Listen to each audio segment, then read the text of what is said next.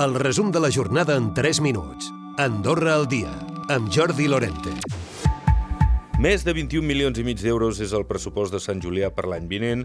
D'aquests, el Comú té previst destinar 2 milions i mig a la reconstrucció del centre de congressos.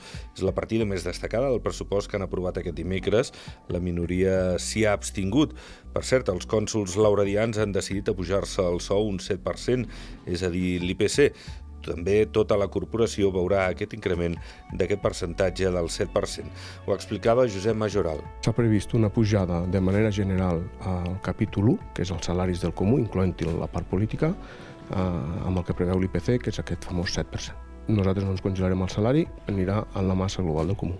El Comú d'Ordino ha donat llum verd al pressupost del 2023, pujarà 20 milions d'euros, amb un dèficit previst de 4.800.000 euros.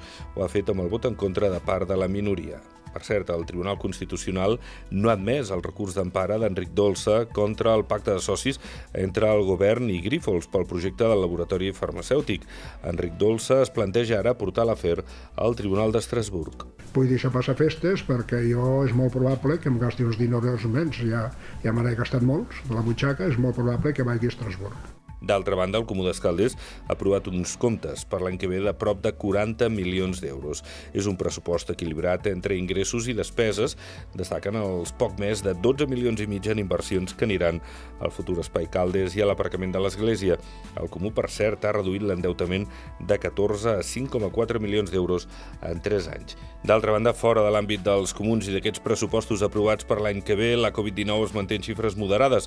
Els casos actius estan per sota del centenar centenar, en concret 93.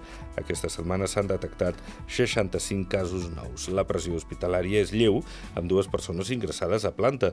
Pel que fa a la vacunació, s'han administrat prop de 1.900 quartes dosis destinades a les persones més grans de 60 anys. L'ocupació hotelera mitjana del Nadal ha superat el 70%, per sobre del 80% es va situar entre els dies 24 i 26 de desembre de l'any passat. Per al cap de setmana, la Unió Hotelera té bones perspectives. De fet, espera una ocupació molt important. La plataforma que fomenta la creació d'una línia de tren a Andorra critica que el govern hagi desestimat el projecte.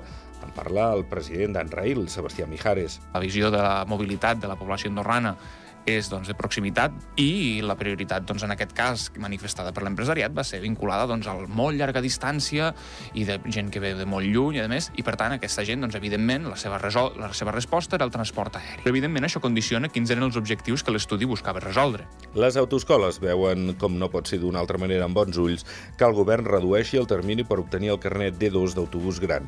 Ho fan, però, amb algunes objeccions. N'hi ha que creuen que s'hauria d'haver anat pel dret i unir els dos permisos en un.